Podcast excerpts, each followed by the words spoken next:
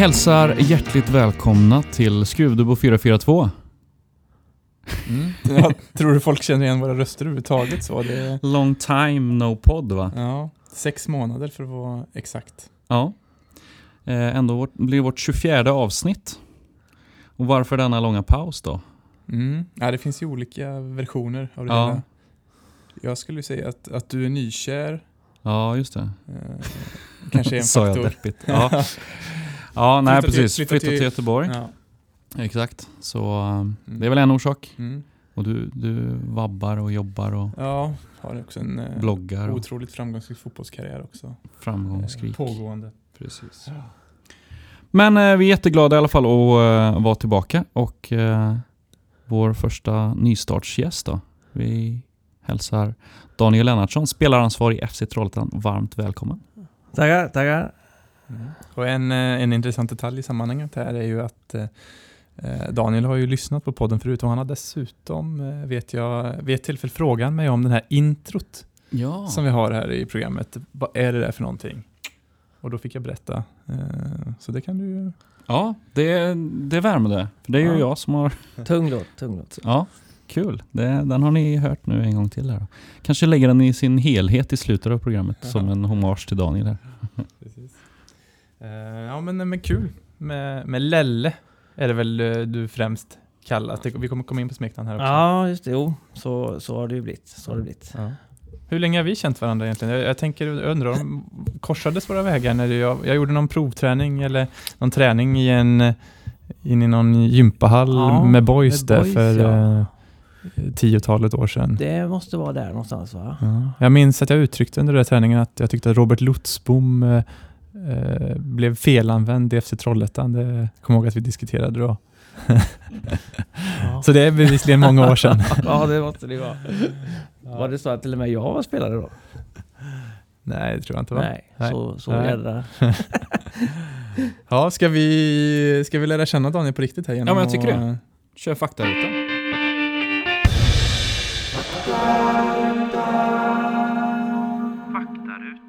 Fullständigt namn? Kai Daniel Lennartsson. Är det efter Kai Eskelinen kanske? Nej, min far heter Kai. Ja, Så är det det. är ju, precis. Det är ju intressant Ja. när ens far eh, ändå vill att en- ens, ens eget namn ska leva vidare Mm. sådär på något sätt. Dina döttrar har inte Martin som Nej, Nej. inte än. smeknamn? Ja, Lelle är ju namnet jag kallas. Och har väl haft med mig ganska länge tror jag. Och vad det kommer ifrån vet jag inte om det är någon slags eh, Lennartsson eller... Ja, jag vet inte vad det kommer ifrån egentligen. Det bara Mm. blev så. Mm. Hur är det, vilka, vilka är det som kallar dig Lelle och vilka kallar dig Daniel? Och... Finns det någon skillnad? Eh, ja, privat så är det nog och familj och så här så är det nog både och Lelle och Daniel. Sen eh, jobbmässigt och sådär så är det ju givetvis Daniel.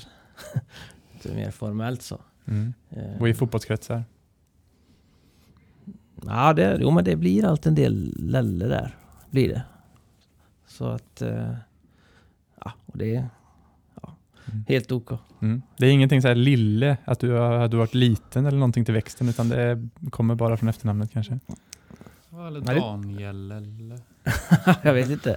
Nej, jag är i sig inte var inte speciellt, eller jag är inte speciellt stor eller var inte speciellt lång. Nej, jag tror inte det heller. Utan eh, det är nog någon omgjord, dålig omgjord version av Lennartsson, antagligen. Ja, eh, ålder? Ja, det är snart blir jag 43. Om en mindre än en månad. Mm. November. Samma dag som Ulf Lundell. Ja. Ja. Känner du... Är det, är det hedersamt att dela? Nej, jag vet inte. Lyssnar väl lite på han i och för sig Ja. så. så att, eh, men Ja, men bra. så är det. Ni är inte jämngamla men i alla fall. Nej, inte riktigt. Eh, födelseort? Eller Ja. uppväxtort då? Ja, men jag är ju född i Vänersborg. Det är ju alla i min generation. Mm. Eh, men eh, ju det ganska snabbt givetvis. Efter bara några dagar gissar jag. Så Trollhättan har jag ju växt upp i och levt hela mitt liv i.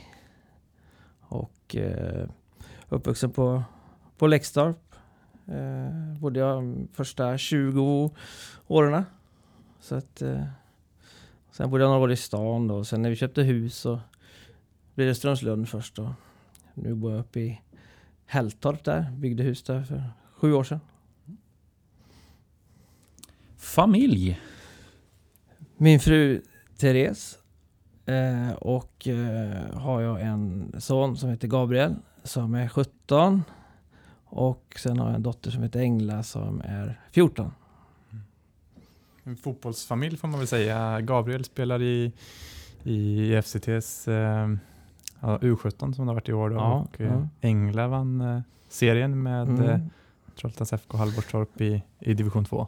Ja, jo, de är, eh, det, vi, är en, vi är givetvis en riktig fotbollsfamilj. Det, det är ju så. Det, ja, Gabriel var inte gammal när han sattes framför ett Romderbyt eh, första gången. Liksom. Det kan jag ju säga. Eh, han satt till och med i den där stolen man fick från bilbarnstolen man fick från BB på den tiden. Kommer jag ihåg. Eh, min fru har aldrig spelat fotboll och eh, har ju kom, där kom, har ju intresset kommit på senare år då. Eh, och det är väl tur det, som sagt var. För det är ju extremt mycket fotboll såklart på, på vår fritid. Eftersom Gabriel spelar och tränar mycket och Engla tränar och spelar mycket och det är kupper och det är matcher. Och, men som sagt var, min fru har ju levt med detta och tycker att det är väldigt roligt. Givetvis följa barnen men hon har också blivit en, ja, en FC fan också då med tanke på mitt eh, arbete och engagemang i det. Så att, eh, och det är ju tur det, annars hade det nog varit eh, ganska krångligt tror jag. Om inte hon hade hängt med på det. Så att, eh, jo, det är mycket fotboll. Mm. Um, om vi går över mer till, eh, om vi börjar med din spelarkarriär då. Vilken, vilken position spelade du på när det begav sig? Ja, jag var ju anfallare. Eh, tidigt var jag anfallare. Jag spelade forward i, i fotbollen då. Spelade även bandy. Fram till jag var 17, 18. Då var jag också forward, eller anfallare. Sedan så var jag väl egentligen kanske, när jag väl tänker efter att, att jag var nog kanske som fotbollsspelare egentligen bättre kanske som yttermittfältare under den tiden där jag spelade på, bäst, eller på min bästa nivå så att säga. Då var jag nog bättre där. Eh, jag var nog lite för, jag var för klen och för dålig i mottagningsspelet vet jag som forward. Och då spelar ju alla lag liksom 4-4-2 och sådär. Någon tuff, eh, stark eh, target och så skulle man skulle skarvas vidare. Och där var man väl i och för sig ganska snabb i djupled då, men man var inte tillräckligt bra i, i det mottagningsspelet. Och på ytter, på kanten där, så blev man lite mer eh, fri på det sättet och kunde eh, utnyttja sina skills på ett bättre sätt. Mm. Det, det ryktas att du, var någon som sa det, att eh, du är den enda spelaren i, i områdets historia som aldrig gått in i ett motlägg. Eh, jag valde givetvis mina, mina motlägg, så kan man väl säga då. Eh, men jag fick ju väldigt mycket, jag fick ju en jävla massa knäskador då, opererats fem gånger tror jag. Korsband, båda knän och meniskrar och sånt där. Fast konstigt, de mesta gångerna jag skadade mig ordentligt och allvarligt, då var det när jag själv hade bollen. Så att, eh, det var inga, det var inga dueller, nej, det är sant. Men det är fake news alltså, det som eh, påstods. eh. Nej, jag vet inte. Jag kanske inte var den spelartypen då. Eh, som eh, var inne i motlägena, det ska jag inte säga. Det var kanske därför jag var bättre på kanten då. Det var, lite, det var inte riktigt mycket, mycket dueller där ute på kanten. Man kunde härja lite mer fritt. Exakt. Hur, eh, vil- vilka klubbar hann du representera då som spelare? Som sagt var, IFK var ju, IF Trollhättan var ju min moderklubb då, där jag började. Eh, och eh, spelade då fram tills, ja, sju. Där, och sen spelade jag tre år i Trottas Boys. Sedan så eh, spelade jag ett år i TIFF 2001 då. Och eh, det, var ju, det var ju mitt bästa år rent eh, Alltså fotbollsmässigt så på många sätt då. Alltså, eh, i det, det, laget vi hade då var ju väldigt bra och det blev ju också tyvärr då, eller hur man nu ska se det, men det, det blev bara ett år med TIF då eftersom september det året där så beslutade man att slå ihop då TIF och TFK till FCT. Och eh, då fick jag i och för sig chansen att, att vara med i FCTs första trupp då. Hur togs, hur togs det beskedet emot av er spelare när ni väl eh, fick reda på att klubbarna skulle slås ihop? Nej, men jag ska säga det var, det var en, eh, det var en ganska, det var en positiv eh, känsla så. Eh, TIF och TFK, vi, vi, var ju i samma, vi var i samma division. Vi, TIF, ja, i, I TIF så vann vi båda derbyna där med 1-0 vet jag liksom. Det året och det förstörde ju liksom för TFK chans att... För TFK kom högre upp i serien.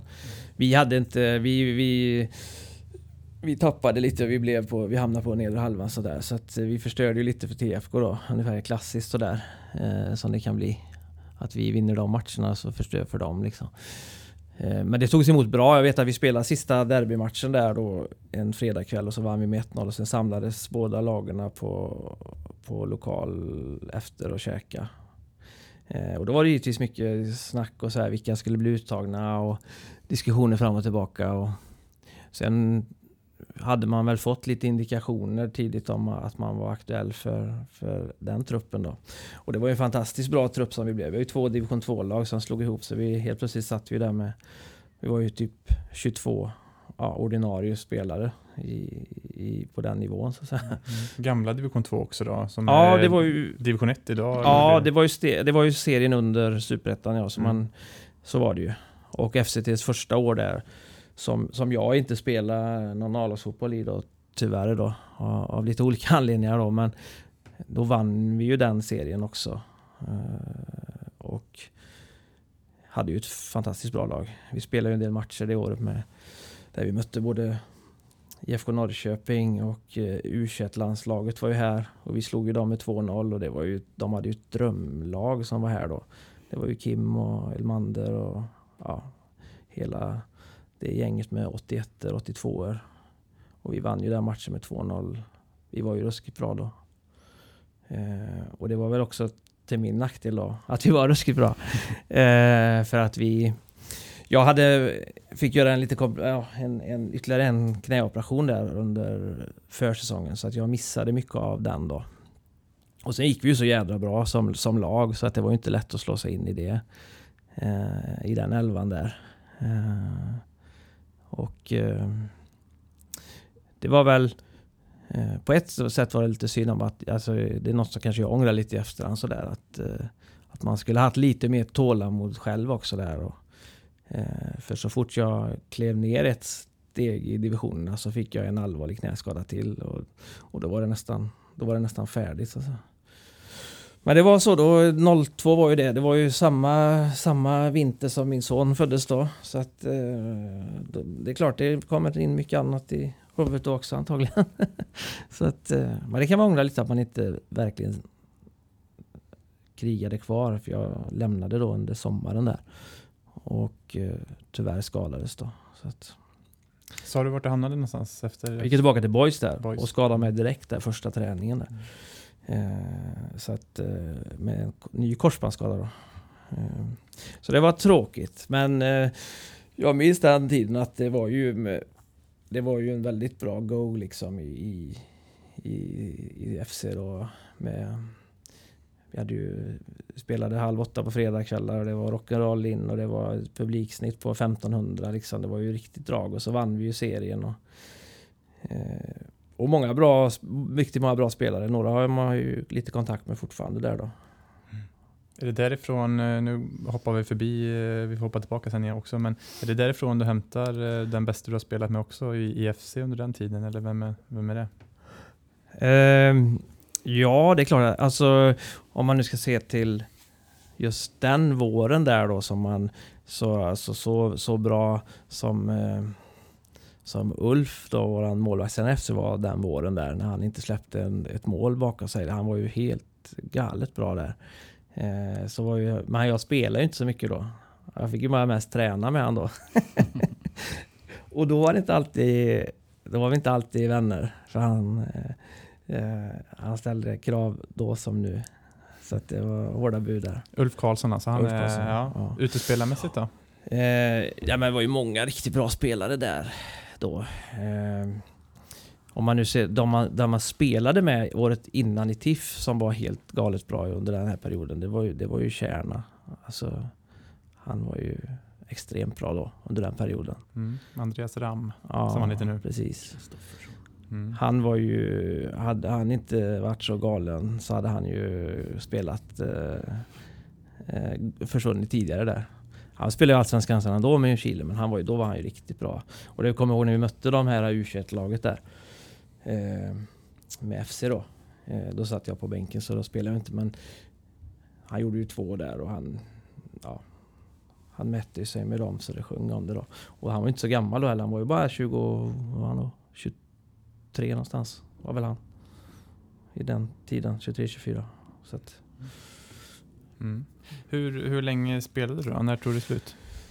Nej men jag gjorde som sagt var, alltså när, med FC där, det var ju liksom, där satsade man ju stenhårt. Men man, man var inte riktigt nära att få den platsen där. Kjell Pettersson var ganska tydlig och rak med att, att, att jag var för dålig i försvarsspelet eh, jämfört med den andra spelaren som hette Erik Nilsson som var fantastisk i båda ändar på plan.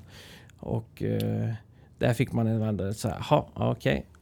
Då, då, då är det lika bra att lämna sådär. Och då spelade jag med boys några år där och knackade mig fram lite då. Jag hade mycket ont i mina knän då ska sägas. Och, eh, men spelade egentligen fram till 2007. Så att jag höll ändå i några år där. Eh, men lite hackat och malet med operationer och ett år borta och lite, kom, ja, lite, lite sådär. Så att jag spelade från och till under några säsonger där.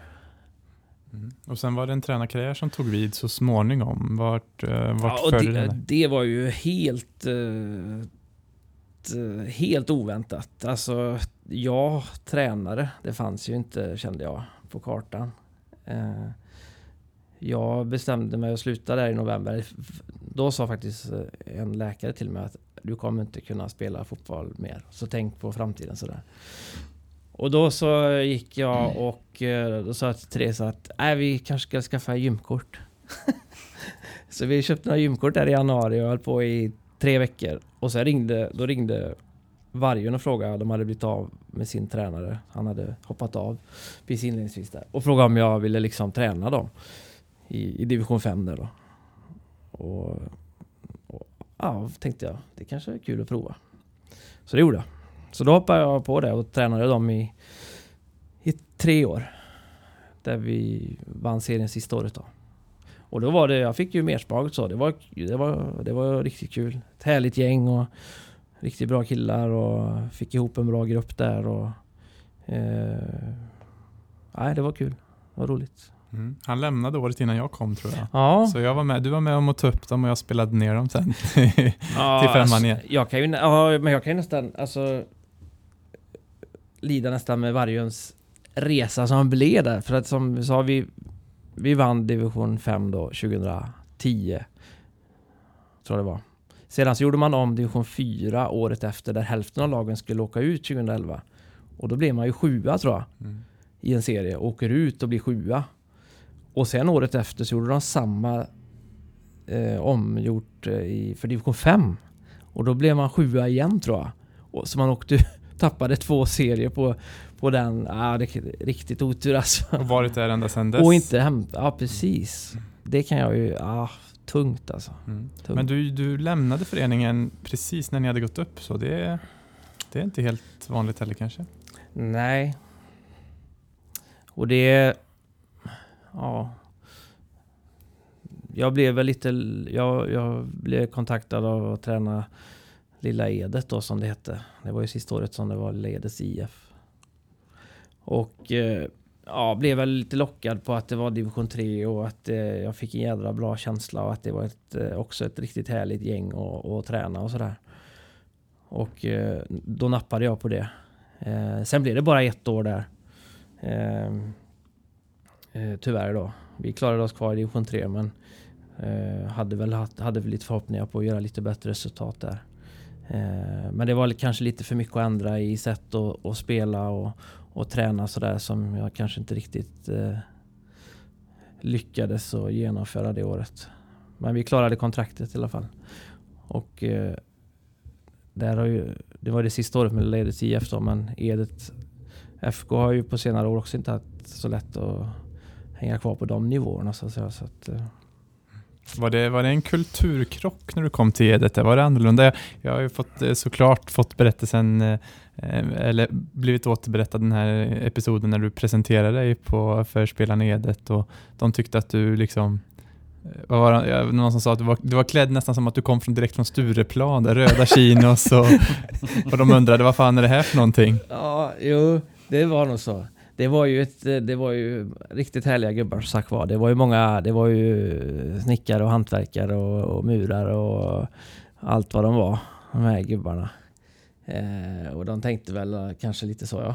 Eh, men, men jag tror att de på något sätt, eller vi hade väldigt bra, ska jag säga, riktigt bra relation och de tyckte väl kanske att jag var rätt så trevlig och schysst ändå. Eh, så att det var inga bekymmer. Men Ja, jo, jag förstår vad du menar. Ja. Och sen så eh, ett år sa du i Edet eh, ja. innan du gick vidare. Sedan så skulle, jag, skulle vi bygga hus där eh, under det här 2012 så att säga då. Och då ville jag, då hörde jag boys ha sig där och då och ville jag liksom också, kände jag, men det kanske passar bra att vara ganska nära på hemmaplan. Men det blev ett väldigt tungt år. Både resultatmässigt och och eh, eh, framförallt så jag fick ta det blev ett väldigt massa unga killar som skulle komma upp då. Och de, många av dem eh, blev duktiga fotbollsspelare, inget snack om det. Men de var väldigt unga när vi kom upp. Det var ju 96 och 97 som skulle spela A-lagsfotboll där nästan, var det tänkt då. Vilket blev resultatmässigt ganska tungt och framförallt det var ju en omgjordning av serien där som jag pratade om. Där hälften av lagen skulle åka ur. Och jag kände väl någonstans redan under vintern där att det här kommer ju bli ordentligt tufft. Och vi hade liksom så många unga spelare. En del fick inte träna så sent på Edsborgs konstgräs och så här. Så det var liksom ena träningen kunde det vara 10 pers på plats och sen kom 35 eh, passet efter när vi tränade klockan sju liksom. Det var, det var väldigt svårt att hålla ihop det där.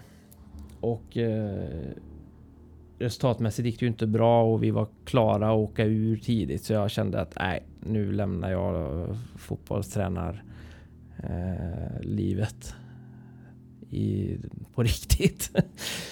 eh, och, eh, men då, då, ringde, då ringde på hösten där så ringde FC Trollhättan och frågade om jag var intresserad av att kliva in som assisterande tränare då. Till Jesper Ljung då.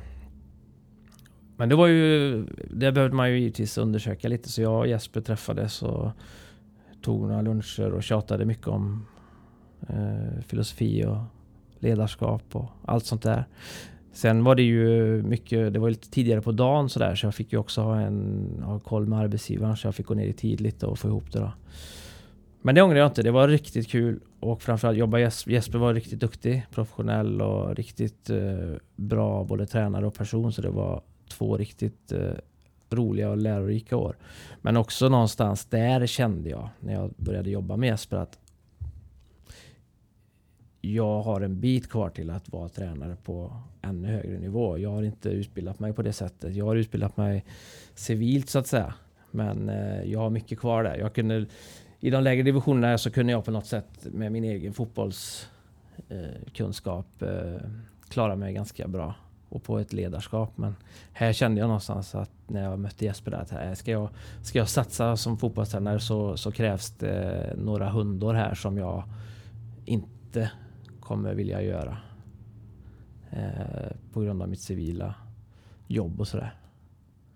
Så att eh, det var, det, var, det var två riktigt roliga år men jag kände också att eh, jag kommer inte bli tränare på elitnivå.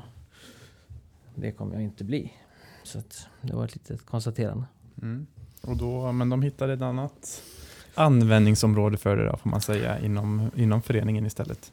Ja, då, då efter vi hade då vi, det slutade ju väldigt olyckligt det året. Eh, vi åkte ju ur division 1 då, 2014, det andra året som jag var assisterande. Och då skulle vi göra en då ville man göra en nystart i föreningen och då fick jag frågan om att kliva in som sportchef då. Som, eh, under hösten där, 14. Och då gick jag all in på det. Eh, många spelare lämnade ju när vi åkte ur och det blev extremt mycket jobb där. Eh, jag klev väl in i den bunkern där på i, någonstans i, i, november där och eh, på julafton så såg jag familjen, har på säga. Lite så. Eh, men det blev bra. Vi, vi studsade tillbaka direkt. Åre eller 2015 då och vann ju serien där och det var ju extremt kul. Såklart. Mm. Men sen har det varit lite för mycket studsande. Ja, ni är ju antingen botten eller topp, topplag nästan varje år. Så. Det, har varit, mm. det är väl i år då som det har varit lite, mm. eh, lite lugnare. Det kommer vi väl eh, återkomma till sen. Eh, mm. inte riktigt dramatik fram till sista matchen. Nej. Sen, eh, ja, Lelle han hade ju pratat med hantverkarna sa han idag att de skulle hålla tyst nu eh, medan vi spelar in. Men jag vet inte, hörs det någonting i bakgrunden? Ja, vi får se. Det är, jag tror vi kan eh, leva med det. om, om ni undrar vad det är för någonting så eh, borras det eller något där uppe i alla fall. Um, mm, klubbar representerade där sa vi. vi. Vi kommer tillbaka till det snart tror jag. Utbildning?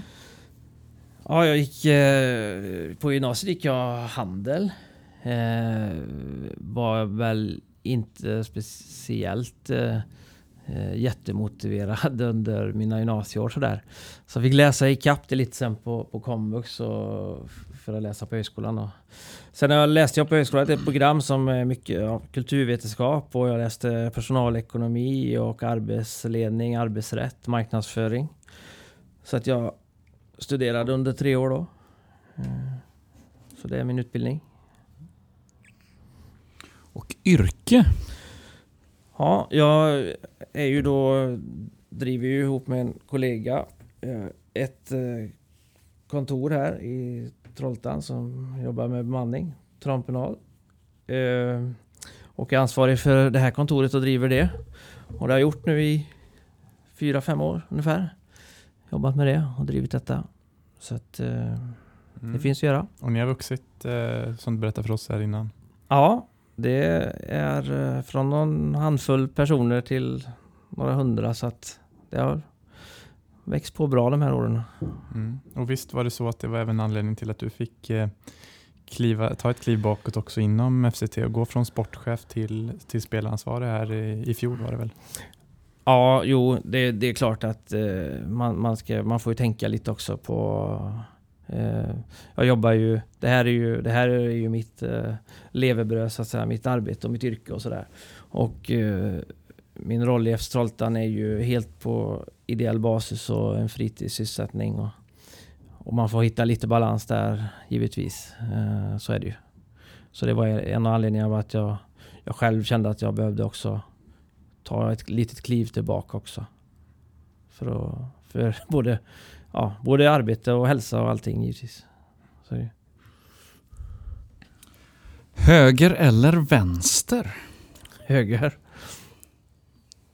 Favoritspelare genom tiderna? Ja, jag, jag älskar ju Zlatan, så är det ju. Eh, har ju också eh, träffat Zlatan och jag har haft lite att göra med mm. På vilket sätt? Eh, Mer än, eh, han var ju han var med i någon mellandagscup Butlers. eller något år? Eller ja, där var det ju. Där jag, jag, hade, jag hade året, året innan också hade jag uppe han i våran eh, Superstar-gruppskommitté som vi hade då. Eh, så det finns en riktigt intressant snubbe i Malmö som heter Zlatan. Jag såg någon eh, superettan-match där han sparkade sönder en dörr i Åtvidaberg den gubben, han skulle vi ta hit sa jag. Men då fick jag inget gehör. Givetvis. Han spelar ju inte i Allsvenskan då. Mm. Men året efter lät det annorlunda. Kan man väl säga. Och då var det lite... Vi skulle ha en sån här match med gamla hjältar också. Så att jag fick tag på Hasse Borg där. Som var då hans närmaste. Mm. Och då sa Hasse Borg att... Eh, ja, jag ska, jag ska göra ett försök. Men du ska veta, det är helt galet just nu med Zlatan här. Då hade, då var ju, han gjorde ju landslagsdebuten i oktober eh, 2001 då. Mm. Eh, och jag fick väl tag på någon vecka innan där. Då sa han, det är helt galet, vi, vi säger nej till alla stora produktioner. De ringer från allting. Men jag ska göra ett försök. Ja, det vore grymt, så. Sen fick jag vänta lite då, så kom ju landslagsdebuten och sådär. Och jag såg ju att shit, det här, kommer han hit liksom? Sen ringde han en fredag eftermiddag Hasselborg och sa, ja vi kommer. Eller först sa han så här, har du sett biljettpriserna än? sa han först. ja, jo, vi brukar alltid ta det här priset. Ja, du kan dubbla det annars. För det spelar ingen roll vart vi kommer så drar han. Så du, du ska, det här är det värsta du har sett, sa han. Ja, ja. Eh, men vi, vi, vi har satt priserna. Men Gökul liksom. Sen när det blev en liten nyhet att han skulle komma så ringde det från massa olika företag och, och tidningar till mig och ville, de ville göra allt möjligt under den här dagen som Zlatan skulle vara här. Men vi kunde ju liksom inte lova att han skulle ställa upp på saker såklart. Han hade ju bara en sak att komma hit för och det var att vara med på den här Superstar-tävlingen en timme. Då. Eh, och det, tiden gick ju där och eh, samma morgon när det skulle vara så ringer ju Hasseborg och säger att eh, Zlatan han har försovit sig i Stockholm. Oh, shit alltså, hur går detta nu då? Nej, men det, på något sätt ska det lösa sig. Vi, han får flyga till Göteborg senare i, i eftermiddag och så får vi på något sätt lösa det. Och det slutade med att det skulle bli halv sju. Det slutade med att tio över sex så ringer Hasselborg och säger ja, vi är i typ något som heter Lödöse eller något. Ja, alltså vi fick hålla tävlingen lite. Sen när, när vi mötte jag, ska jag möta upp Zlatan nere på, på Svania då. När han kommer in i de här svängdörrarna där. Så eh, han är ju hur kylig som helst givetvis och glider in där och frågar vad han ska göra. Vad ska jag göra? frågar han. Ja, bara upp och lämna grejerna. uh, vi ska iväg fort som fasen här liksom. Uh, ja, ja, säger han. Och han var väl uppe på hotellrummet där en kvart eller något. Jag stod och väntade på honom där utanför. Sen åkte vi bort till, uh, till Elfsborg då. Och han sa ju det, ja, jag får inte skada mig bara för, för Koma vet inte att jag är här. Så. Nej, det är ingen fara. Sen så blev det ju... Det blev, han hade ju väldigt kul, det blev ju väldigt roligt. Uh, han, uh, det blev ju ett bra tryck. Vi hade ju lapp på luckan liksom, så var det ju. Det var ju fullt där och jag glömmer aldrig de här journalisterna som skulle komma in i romerska badet som vi alltid var efteråt. Uh, de sätter sig framför på knä där, ett gäng då. Och han lutade sig bak så där i stolen och så satt han där så när de sa någonting då, för det var någon ryktare som Roma, så sa han inga kommentarer, sa han. Och så, så skrev de i blocket och så tittade han upp på mig så bara han blinka. Och han höll på liksom så. Ja. Och sen gick, reste han sig och alla undrade vad händer nu, vart går han? Så journalisterna upp och skulle efter honom. Då gick han bort och hämtade en Loka, så kom han tillbaka och sätter sig och sa han att han, så blinkade han bara till mig så, så gjorde han liksom peka lite så att de gör piss va? ja, hade de lindade runt ja, ja, lillfingret. Ja. Alltså var han med på middagen faktiskt. Eh, på, på lokal efteråt, på Butlers där. Men när de öppnade portarna där sen för nattklubbsgästerna så, så fick han lämna för det blev sånt, ja, mm. folk flög på honom. Och eh, dagen efter så, eh, han åkte hem redan på kvällen då. Men dagen efter så fick jag hämta massa kläder och så som han hade lämnat kvar. Skor och nya, det var uh, märkesfillingar som inte ens var öppnade och liksom allt som man bara lämnat kvar på rummet liksom. Mm. Eh, och sen skulle jag lämna in hyrbilen. Det var lite kul faktiskt. Så kom, eh, ska jag gärna kolla så det inte är något som glömt. Så jag kollar under sätet så ser jag det ett bankkort där. Och så ser jag det står ABN Ambro. Tänkte jag. Den holländska storbanken då. Så tar jag upp det här då genom då är det ju Zlatans bankkort som ligger kvar i, i bilen. Då. Det var innan man höll på att fota det där och la ut på sociala medier så, här, så att jag har ingen bild på det. Men det fick jag skicka tillbaka då med alla andra kläder och sånt där så det struntar han givetvis i. Men eh, det var ett coolt möte med en uh, idol. Ja. Då var han inte idol på det sättet men det han har gjort efteråt är ju helt galet bra. Alltså. En, en historia från en annan tid också. För ja. jag försöker dra hit en allsvensk spelare till, eller superettan-spelare till mellandagscupen eh, idag. Så det, det är något annat kanske. En landslagsspelare också dessutom som du sa. Ja. Jag försökte några år efter sen när han hamnade i Juventus och allting. Och, och hitta... Eh, jag försökte med massa vägar och få hit han. För han hade rätt skoj tänkte jag. Han kanske vill komma igen. Men det vet jag inte. Jag lyckades knipa en autograf precis innan han skulle gå upp där nere i hörnet där. Så. Men det är också Tina Nordlund och Hanna Ljungberg Ah, ja. minns jag från samma... Ja, och så var det Ab Abga Barsson och Gustav Andersson. Gustav. Eh. Så att... Eh, Ja. man gjorde en del konstiga försök på att få hit folk de åren. Jag hade kontakt med Figos svärfar i Sollefteå. Eh, men det var ju under samma veva han fick något grishuvud kastat efter sig. Så han, pappan där, sa på lite norrländska där att han, han kommer hit över jul men han, han vill gärna ta det lugnt då. Mm. Eh, ja, det var, så det var, det var inte så nära. Ja, det var bättre förr på ett sätt i alla fall Ja. med vad gäller just den biten. Verkligen. Ehm, ja, bästa spelare du har spelat med har vi pratat om, men, men i, i liksom egenskap av tränare och sportchefer här, vilken är den bästa spelaren du har haft eh, i ditt lag? Ja, det...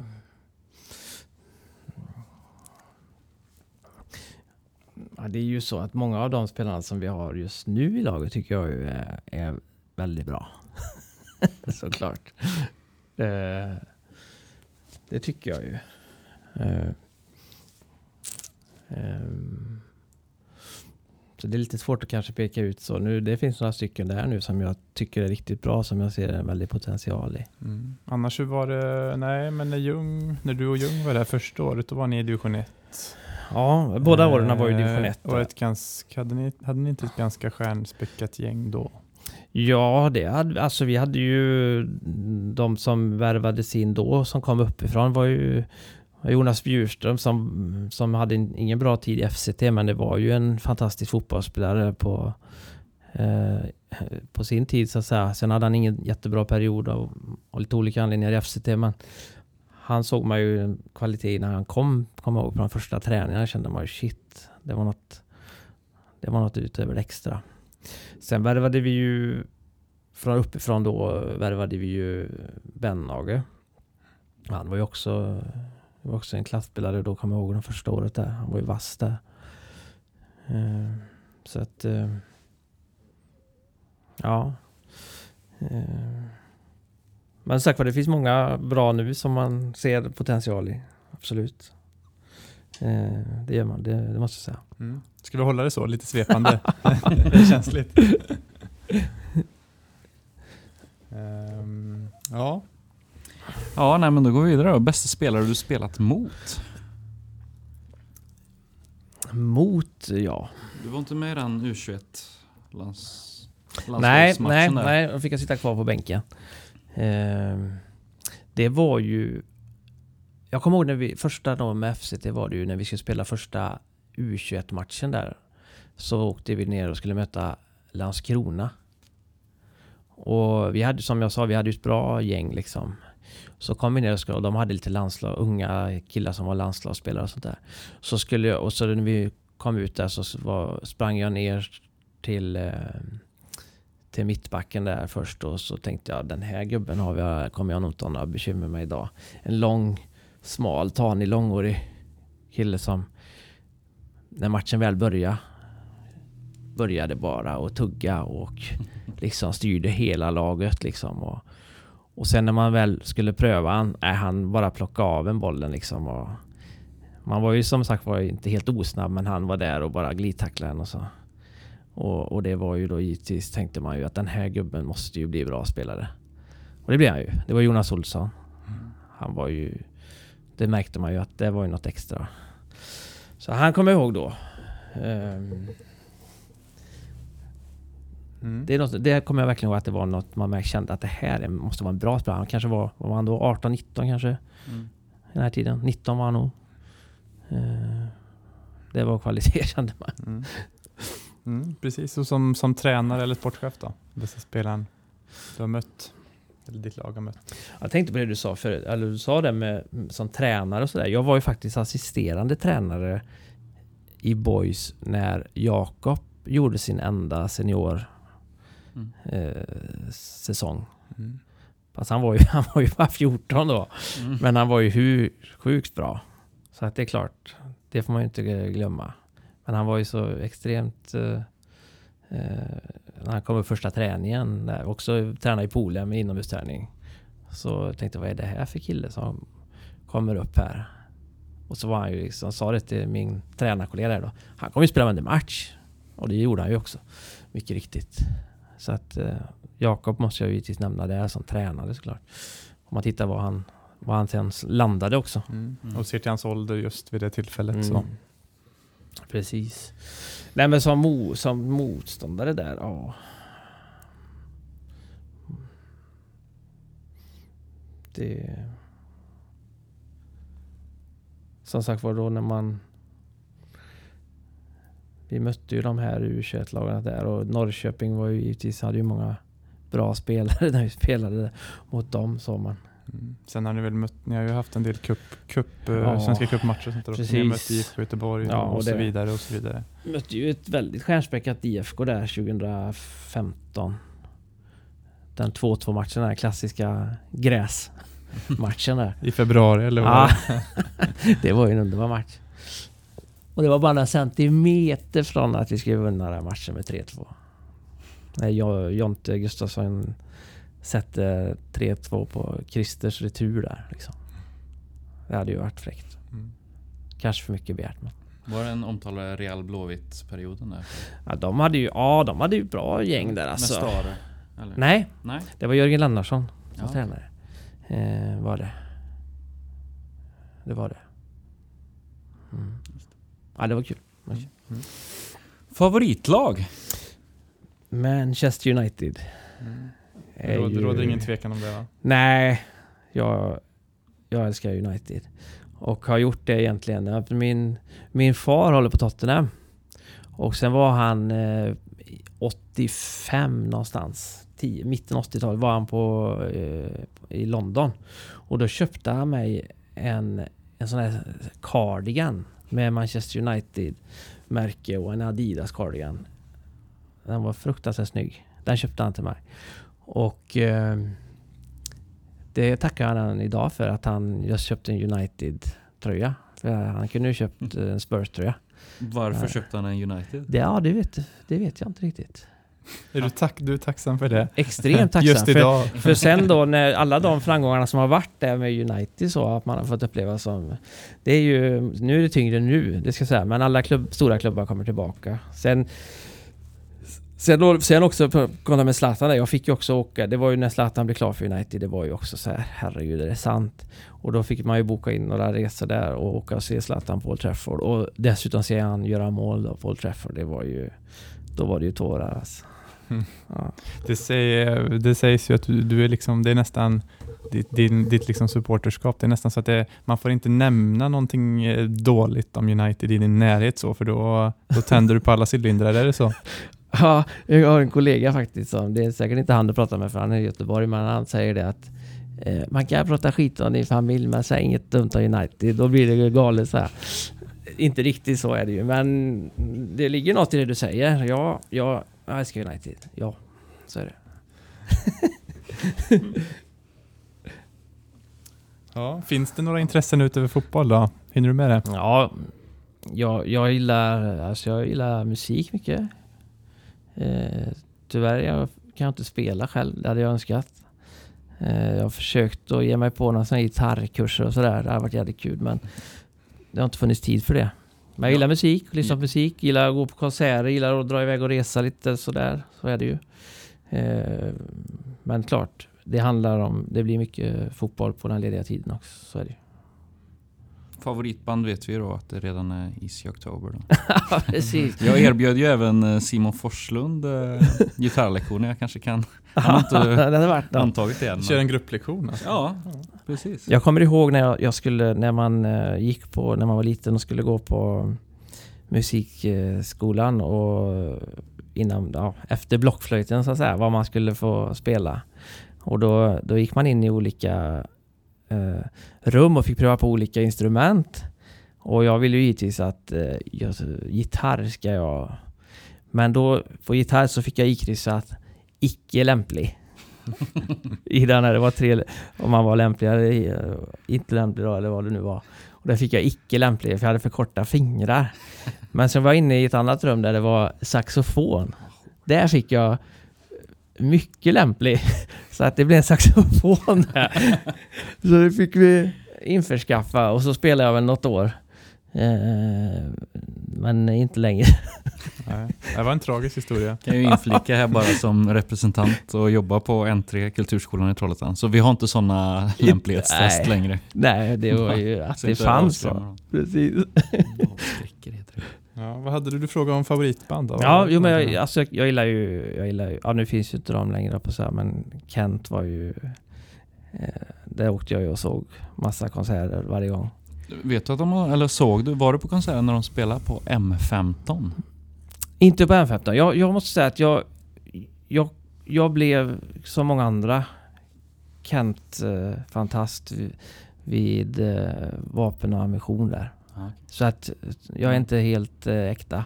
Nej, för det här var ju Ja. liksom, de hade knappt släppt något tror jag. Nej, jag, jag erkänner det. 90 De var ju även här på Pallens dagar något år innan. Eh, och då var jag någon sån här äh, läktarvakt av något slag genom, någon, genom fotbollsklubben Ava Boys då. Eh, då var jag inte det fanet. Jag blev det. Sen blev jag det extremt jag säga. Sen, så jag har lyssnat på det gamla också sen. Mm. Så är det. Där finns det också en story att eh, Fireside spelade samma år på Fallens dagar. Att de hade logerna bredvid varandra men fast bara ett, ett galler emellan så att det flög öl över mot varandra. Så. Okej. En liten bisats. Anekdot. Ja. Sen lyssnade jag på eh, Håkan Hellström. Mm. Gillar jag mycket.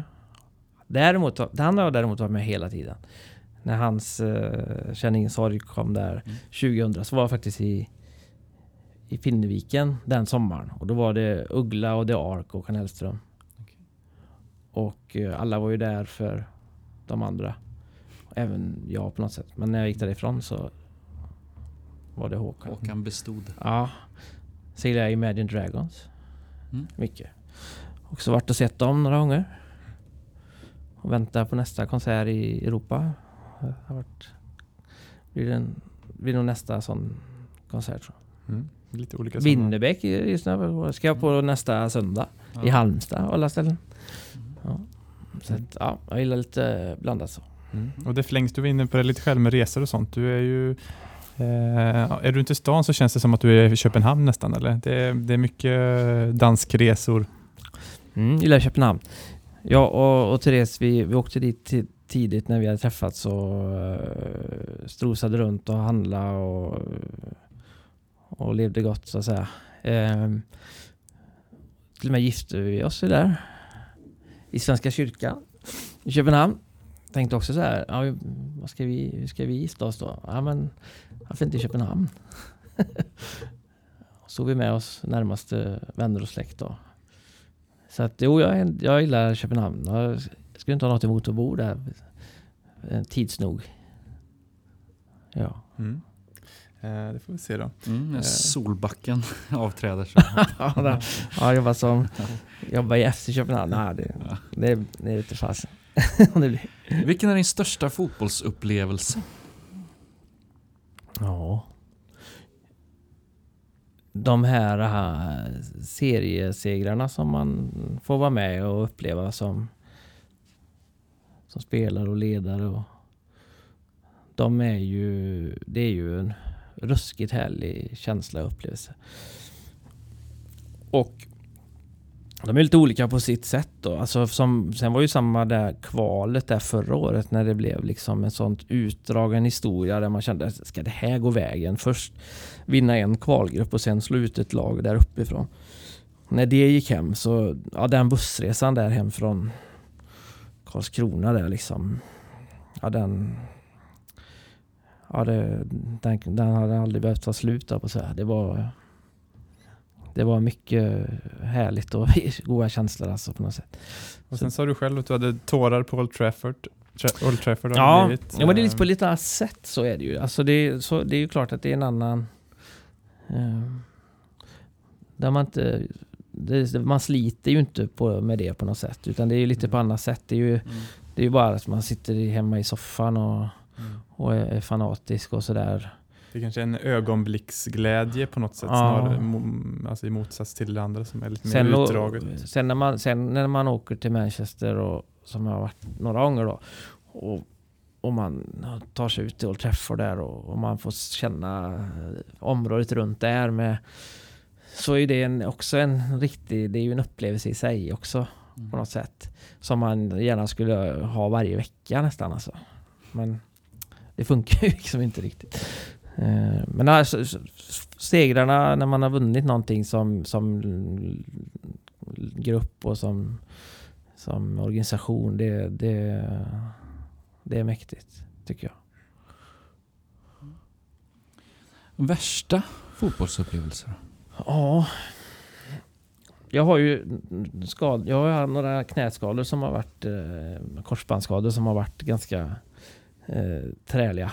Eh, som har givetvis förstört eh, förstört en del för en sådär. Eh, sen är det ju också när man när vi åkte ur här någon serie också så var ju det också eh, värsta på något sätt. När man, det, är ju- man vänder på det, har man kämpat och slitit och tyckt att man har gjort allt och så, så går det inte vägen ändå. Då har man ju inte heller mått bra. Alltså.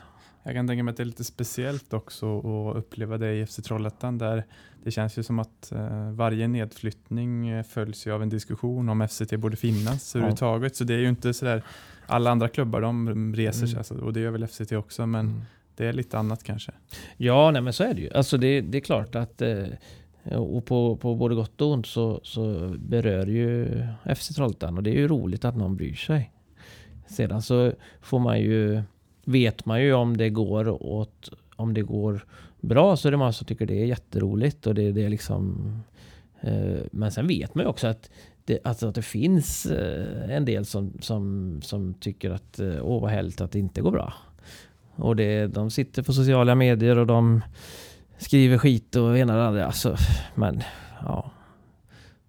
Det, det må vara så. Det, men visst, det är klart man är inte helt opåverkad. Man, man, eh, det är klart man har ställt sig frågan det också. Att ja, men vill vi satsa mot eh, elitfotboll liksom? Ja men då krävs det ju en väldig uppoffring liksom. På många plan alltså. Det krävs människor som vill jobba hårt. Spelarna ska jobba extremt hårt. Ledarna ska jobba hårt. Vi i organisationen måste jobba extremt hårt. Eh, för att få in resurser och, eh, och sådant. Va? Och en del vet, en del förstår ju inte riktigt vad det innebär. Eh, med att jobba hårt på, på, dem, på det sättet. Så är det ju. Utan man, och det, ja, det får man väl köpa någonstans. Att då blir det diskussioner. Ja, är det det här... Eh, ska man verkligen sponsra f eller ska det här... Ska de få bidrag för detta? Så det kommer ju så diskussioner hela tiden. Men, men det är klart att vi som jobbar, vi, alltså jag ser ju fram, alltså anledningen till att jag jobbar med det, det är ju för att jag tycker att det vore väldigt roligt för Trollhättan stad som stad att eh, på sikt så, så kan vi ha fotbollsfester här varannan vecka. Och i, i, kanske i en nybyggd eh, modern eh, fotbollsarena och Malmö FF och Hammarby och Djurgården och IFK Göteborg och de skulle komma hit. Det är, det är, ju, det kanske, det är, ju, det, är ju, det är ju slutmålet dit man vill komma. Och vi har ju känt på det lite. Jag pratade om den här cupmatchen här vi hade, när vi hade Malmö FF här för några år sedan. Det är ju så man vill komma till Edsborg och känna varje vecka. Det är ju det man sliter för.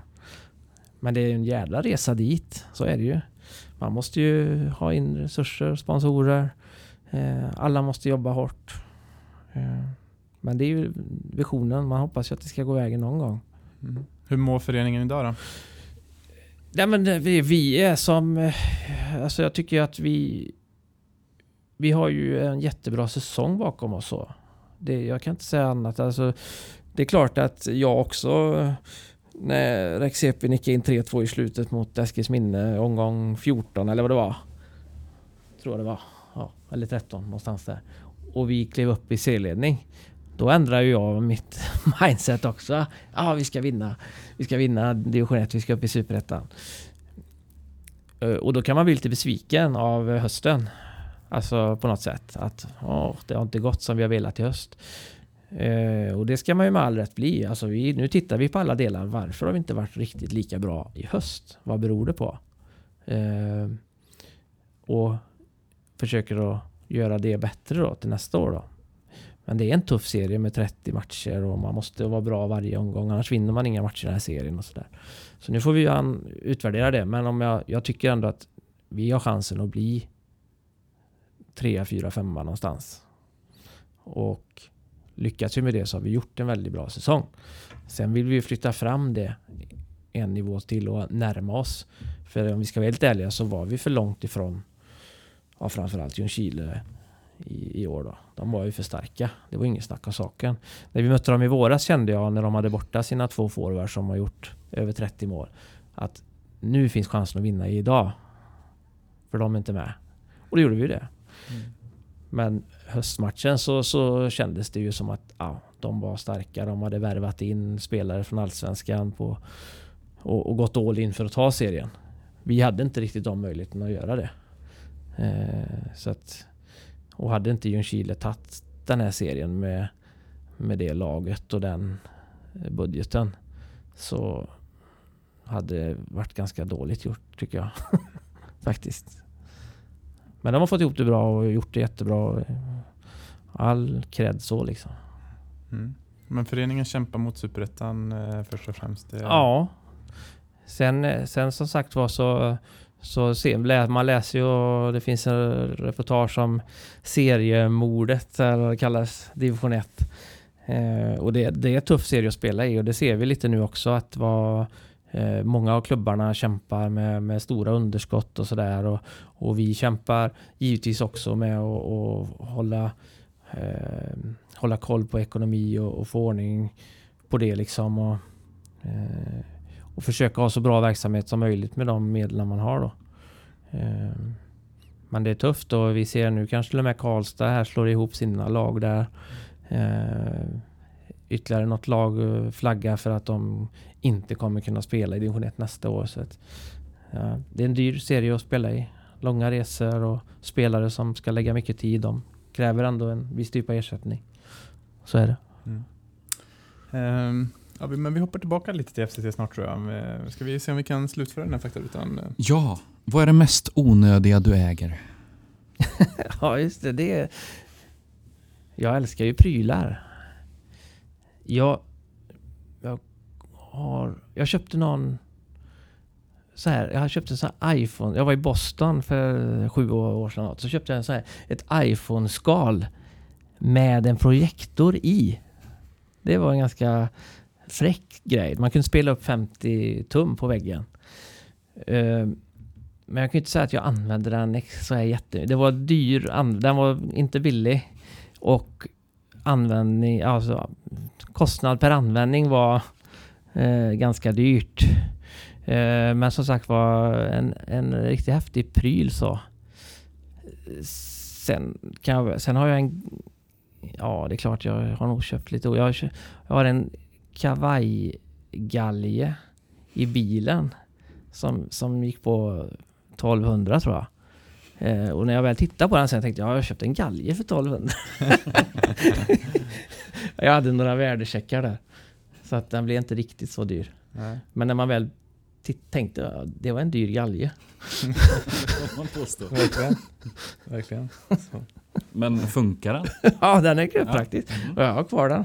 Mm. Så den, den används ju lite faktiskt ändå. Man hänger av sig kavajen där i bak. Mm. Så, ja. Mm. mm. Mm. Ibland, man ser det lite, ibland ser man det på stadens gator i en Porsche så, men den, det, det kanske var en bra investering.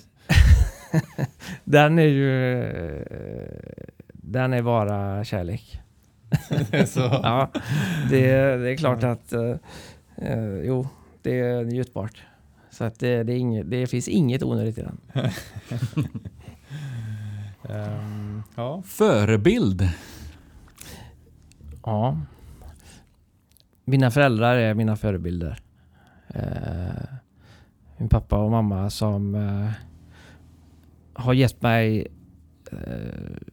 kanonförutsättningar i, i livet från när jag var liten och, och, nu fortfarande är hjälper till och ställer upp. Och nu är ju inte barnen sådär så att de behöver barnvakt så här, men de har alltid de bor här i Trollhättan och har alltid varit eh, eh bra och alltid hjälpt till och ställt upp och sådär. Och eh, positiva och stabila. Så att eh, de har hängt ihop sedan de var ja, unga. Och eh, idag är de en bit över 70 och fortfarande eh, still going strong. Så att, ja, det är mina förebilder. Mm. Och sen en, en högst relevant fråga idag faktiskt. Ja, Precis. rutan. Slutfrågan är, vad har du för relation till Håkan Mild? Ja, jo men det, det har, ju, har ju vi.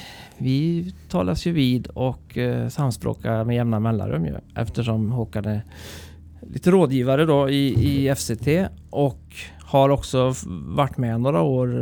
Jag har haft en del möten med Håkan om lite olika saker genom åren. Som lite, lite mentorsaker när det handlar om eh, sportchefsarbetet så att säga. Då.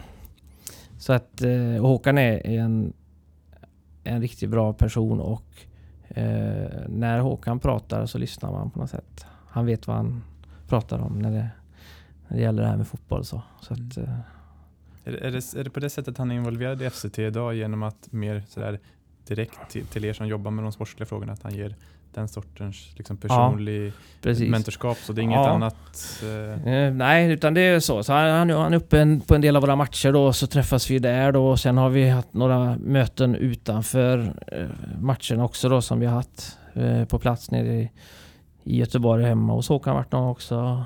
Sådär, så att, eh, och han eh, är ju, han tycker att vi jobbar väldigt bra och rätt eh, med FCT. Hur vi, hur vi försöker att bygga organisationen och hur vi jobbar med vår strategi och, och sådär. Eh, och eh, kan också ha lite synpunkter ibland att nej det där tycker jag inte ni ska det där tycker jag inte ni ska utan håll er till eran linje liksom. Gör, gör det ni har byggt upp här. Och, så att han kommer med lite sådana input också. Och eh, så att eh, han, han, det, är, det är nyttigt för oss så. Så är det.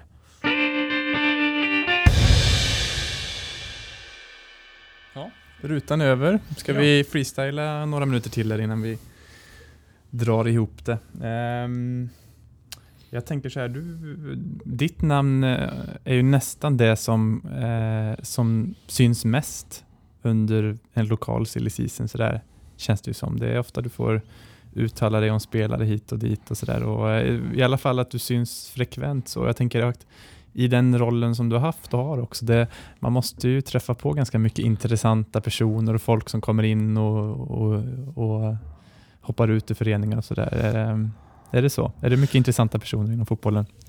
Ja, det, det, det är det ju. Sen, alltså, som sagt var, fotboll är ju...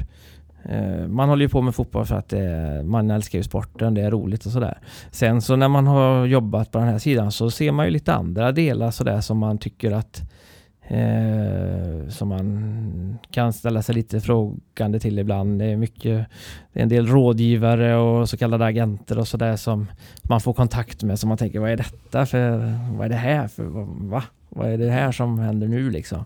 Eh, det är väl eh, givetvis eh, lite spännande också.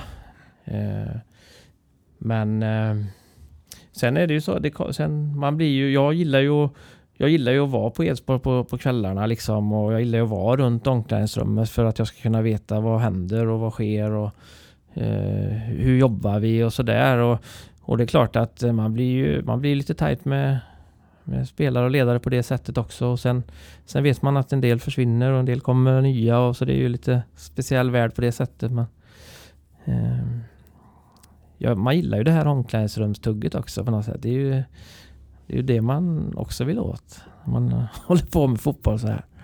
Vad, vad tycker du själv är din styrka liksom i, i arbetet eh, i och runt FC? Vad är det du känner främst att du kan bidra med? Ja. Nej men jag, jag, jag har väl jag har väl, ganska, har väl ganska kloka värderingar så oftast tycker jag och, eh, har väl ett, ett bra ledarskap så känner jag att jag eh, har med mig och är trygg i. både min yrkesroll och även rollen med FCT där. Eh, sedan så har jag, lämnar jag ju över givetvis mycket ansvar och, och till ledarna och som, som driver laget. Och så här, jag går ju aldrig ner och petar i det. Utan jag är trygg i, i min roll så att säga med att jag litar på att de gör ett bra jobb och gör sitt bästa.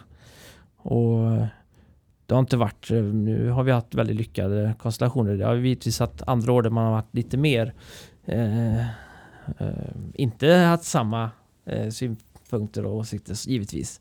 Då prövas man ju också i sitt ledarskap där om man kan hantera det och, och klarar av det. Eh, där söker jag hålla en schysst och god ton mot alla spelare och även de som, som kanske inte får vara kvar eller av olika anledningar och sådär. Man vet aldrig vad som händer i framtiden. Mm. Ni har ju en fotbollskommitté där du sitter, sitter med i, när ni är ett par mm. personer. Eh, och nytt, uh, nytt sen i somras blir det väl, är ju att även William Lundin, tränaren, har har något att säga till om i, i, i värvningsväg och sådär. Hur, hur, hur ser det ut den fördelningen nu? Är det William som har, har, liksom, har mest makt eller ligger ni på samma nivå? Eller hur fördelar ni det arbetet inom ja. föreningen? Nej, men vi har ju, en, vi har ju som du säger en, en kommitté som jobbar då och där är William med och jobbar. Och det är ju för att William är ju väldigt drivande och vill ju givetvis eh, och, och jobbar ju mycket med detta. Så vi tycker det är ju väldigt bra att han är med. Sen ska, han, sen ska man aldrig... Man måste tänka också att eh, eh en tränare eh, får inte få för mycket makt liksom för att den tränaren kan ju givetvis försvinna. Och så har den tränaren skrivit och kontrakt och lovat. Och, så klubben måste hela tiden vara, vara med. Men William är väldigt delaktig i det arbetet givetvis. För att han är ju, han vet ju vad, vad vill han ha till sin trupp och till sin grupp och sådär. Och eh, ihop med, med de andra ledarna så, så jobbar vi ju tätt med det då. Eh, eh, sedan så eh, är vi några stycken i den kommittén då som, som tycker till och säger nej det där. Och det, så har vi har diskussioner så att säga då. Så kan man väl säga. Mm. Eh, men William har en hel del att säga till om det givetvis. Med tanke på att han eh, leder verksamheten operativt. Mm. Och det vet jag att du har sagt någon gång, apropå William också, att ett, ett av de, en av de tuffaste utmaningarna i FCT var när Tor-Arne Fredheim lite från ingenstans där eh, lämnade i ett ganska kritiskt mm. läge av eh, mm. fotbollsåret. Ja. Var det så? Jo, det var ju så. Samtidigt så så föll det sig ganska bra ut för att vi vi märkte någonstans att uh, att det inte var, vi, var, vi kändes inte hundraprocentigt rätt i gruppen och uh, i, i, på Edsborg så att säga när, uh, under den här tiden. Eh, men samtidigt så hade tränaren då, Arne då, han satt ju också under kontrakt där. Men vi, gav, vi, vi sa givetvis att nej men du får lämna. Sen att vi i klubben där kände att oj, här kommer vi få ett litet bekymmer. Det är en, en månad kvar till serie eller till försäsongsstart. Och vem ska vi ha som tränare? Men eh, efter några turer där så kände vi att vi, vi, vi ska hitta den lösningen. Och eh, William var ju tidigt, eh, blev tidigt aktuell där då. Eh, och vi träffades vi runt jul där och då kändes det väldigt rätt och man tänkte ja det är egentligen bara en sak som man funderar kring egentligen. Det är att, eh, att vad hans ålder egentligen? Mm. Men det är ju det man kanske, det har man ju inga funderingar på längre med tanke på hans sätt att jobba och allt sånt där. Men men det ska vi villigt erkänna att vi funderade på. Men eh, det blir jättebra och vi, vi har ju ett jättebra nära samarbete. Jobbade ju jättetätt eh, från start där och förra hösten när vi, när vi skulle förbereda oss för den här säsongen så hade vi också ett väldigt bra arbete och noggrant och William är rak och tydlig. Jag är också eh, är likadan men vi kommer bra överens. Mm. Rak och tydlig sa du, men det, jag tänker i, i ditt ehm, eh, i det du har gjort de senaste åren för FCT, så jag tänker att det blir mycket förhandlingar och sånt med spelare. Så är du, eh, hur är du som förhandlare och i de här kontraktsdiskussioner och allt sånt? Nej, men det är ju, det är ju speciella situationer. För att eh, Eh, klubben vill betala så lite så mycket och, så, som möjligt och spelaren vill ha så mycket som möjligt. Så det är klart att det blir speciella situationer. Och vi, vi sitter där helt plötsligt och vi har, vi har eh, tjoat och kimmat och sjungit ihop och, och allting sådär. Eh, och sen någon vecka efter så ska man sitta mitt emot varandra i ett eh, sånt möte och vara helt eh, oense. så det är klart det är speciella situationer. Men jag försöker väl någonstans att, att också vara ganska tydlig där med att, eh, att det är de här ramarna som gäller och att den här, den här budgeten har vi att leva efter. Eh, och det, det är ett ge och ta liksom.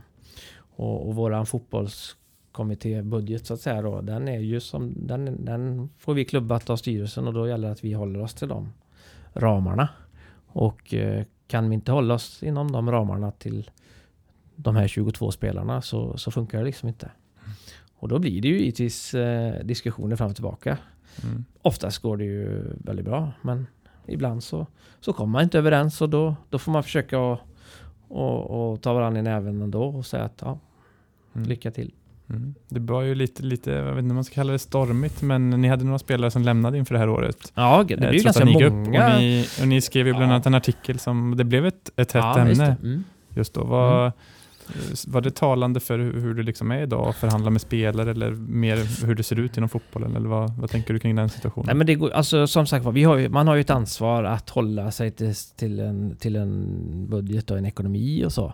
Och eh, eh det har ju varit min roll att hålla sig till det. Och eh, eh, sen så är det ju så att som jag sa, det finns ju många som som diskuterar, ja, men hur kan FCT agera så? Hur kan de, varför gör de inte det? Och varför tar de inte det? Och så. Man har ju inte alla... Är man bara ett, fan och ut, utomstående så, där, så har man ju inte alla korten på bordet. Vet ju inte exakt vad det handlar om och gäller. Så, så att... Men det, det är klart att det, ibland så blir det ju... Då kan det bli lite diskussioner och det... Eh, I det fallet där så var vi ju tydliga, eh, både jag och William, i de här att vi... Det här är det som gäller och annars måste vi gå på ett annat spår och lite sådär. Och, och, och sen var det ju också ett, ett statement som klubben gjorde också att eh, när vi gick ut med detta. Och det är klart att, för det var ju många som undrade hur kan FC Trollhättan släppa eller bli av med alla spelare när de helt plötsligt vinner ett eh, fantastiskt kval och de här personerna gör det jättebra. Hur kan man bara låta dem försvinna? Ja, så var det ju inte riktigt. Alltså vi kunde ju, det gick inte att lösa liksom. Ibland är det så. Det går inte att lösa. Det går inte att äventyra eh, för mycket utan eh, och det var också ett, kanske en markering att ja, det, vi har inte en sjö. Det är inte obehagligt. Vi måste liksom tänka till liksom. Vad vi gör av våra medel. Och eh, vi fick väl blandat eh, respons på det. Det var väl en del som tyckte att ja, äntligen så är det någon som berättar att, att det är lite sjukt med den här regionen och att det är för mycket pengar i omlopp. Liksom. Medan en del tyckte att vi var hemska. ja, exakt. Jag hörde, jag hörde en historia en gång om, eh, jag vet inte om det stämmer, det kan du bekräfta nu eller inte, men jag hörde att en spelare som ni hade en gång i tiden, att han att han begärde en löneförhöjning efter att han hade blivit uttagen till årets lag på min, min fotbollsblogg. Är det någonting du känner igen? Ja, det... Bland annat som ett förhandlingsmynt. sådär. Alltså jag har hört så mycket eh, roliga saker i förhandlingar så att eh, eh, just den, den stämmer säkert också. Eh, och man får ju, alla, har, alla får ju lägga fram sina argument, så är det ju. Sen kan man ju ibland eh, bli lite full i skratt ur eh, vad, vad, som används för argument. Men det... Ja, alla har ju, som jag sa, alla vill ju eh, ha så mycket som möjligt. Och då, mm. då tar man till sina knep. Man måste och, pröva. Och det är klart att eh, eh idag, här, när jag själv spelade så fanns det ju inte, då var det ju inte de här bloggarna och eh, artiklarna om spelare i alla divisioner som det är nu. Så att det, nu är det ju, många har ju kanske, det finns alltid en del som säkert får lite hybris av det. ja. Vi hade någon så här tre, vi hade så här betygssystem. Eh, från 1 till 5 liksom.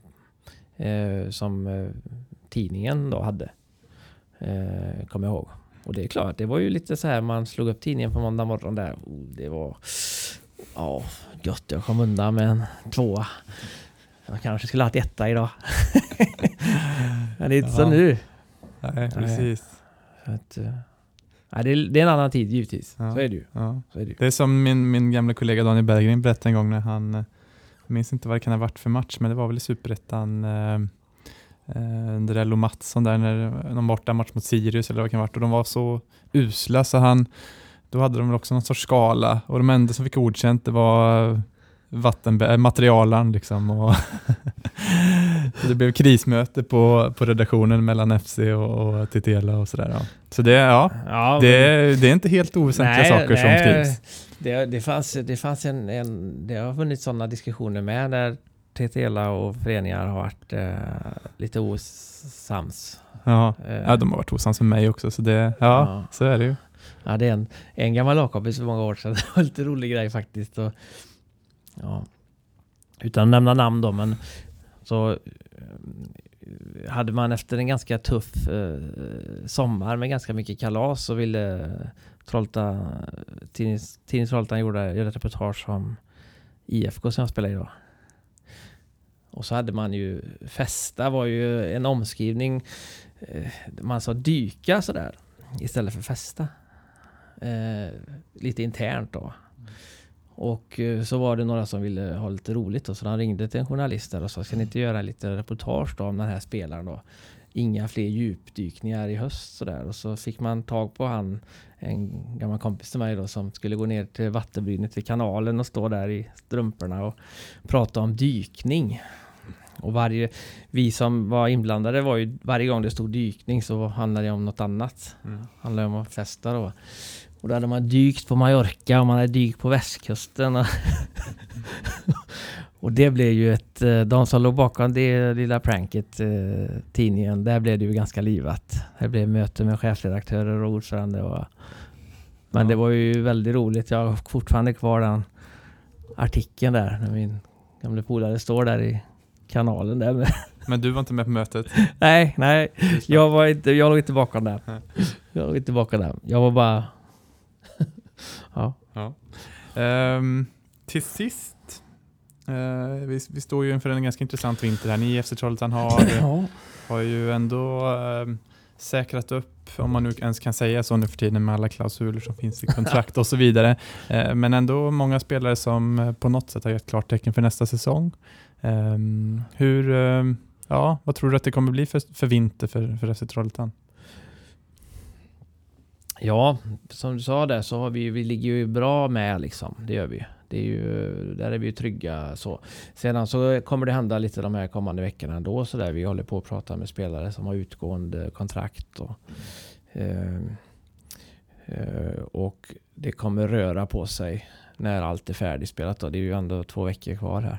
Så att, eh, men men det vi, har, vi, vi känner att vi är med bra. Vi, vi för givetvis dialoger med både befintliga och, och nya spelare inför nästa säsong.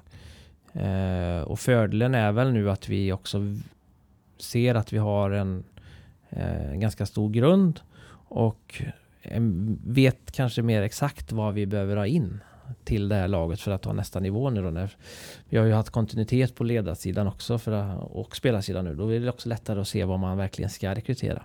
Så man inte bara rekryterar namn och position i blindo på något sätt och sådär. Så att, eh, men det är mycket noggrannhet. Verkligen kolla. Man får in rätt person, rätt karaktär i gruppen och rätt spetsegenskaper i truppen. Och, eh, så att vi känner, så att vi tar nästa steg så att säga då. Att vi blir ett snäpp bättre. Så att eh, det, det, blir, eh, det blir ändå, ja. Det blir ett idogt arbete för, för de inblandade ändå. Så är det ju. Trots att man har mycket spelare klara. Mm. Spännande tider, spännande att följa här också då. Får vi se vad Verkligen. FCT bjuder på här i vinter.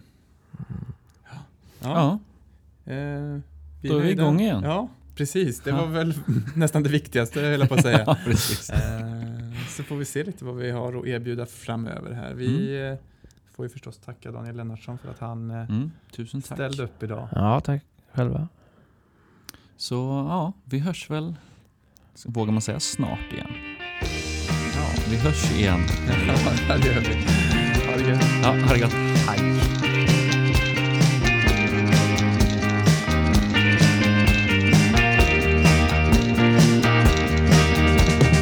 Going to bed before the clock strikes twelve. What is wrong? I don't have a single clue, but I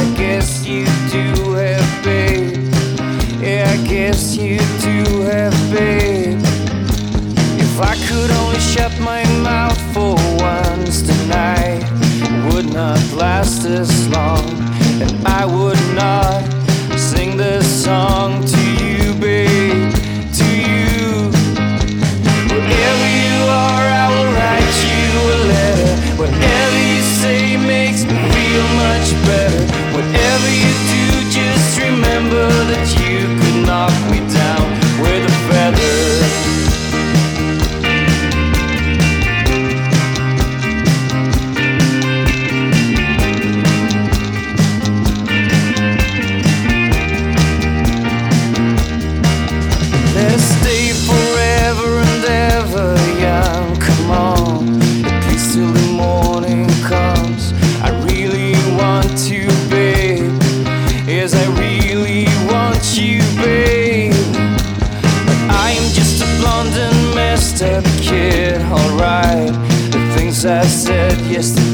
don't count. So please don't walk away from me, babe. From me. Wherever you are, I will write you a letter. Whatever you say makes me feel much better.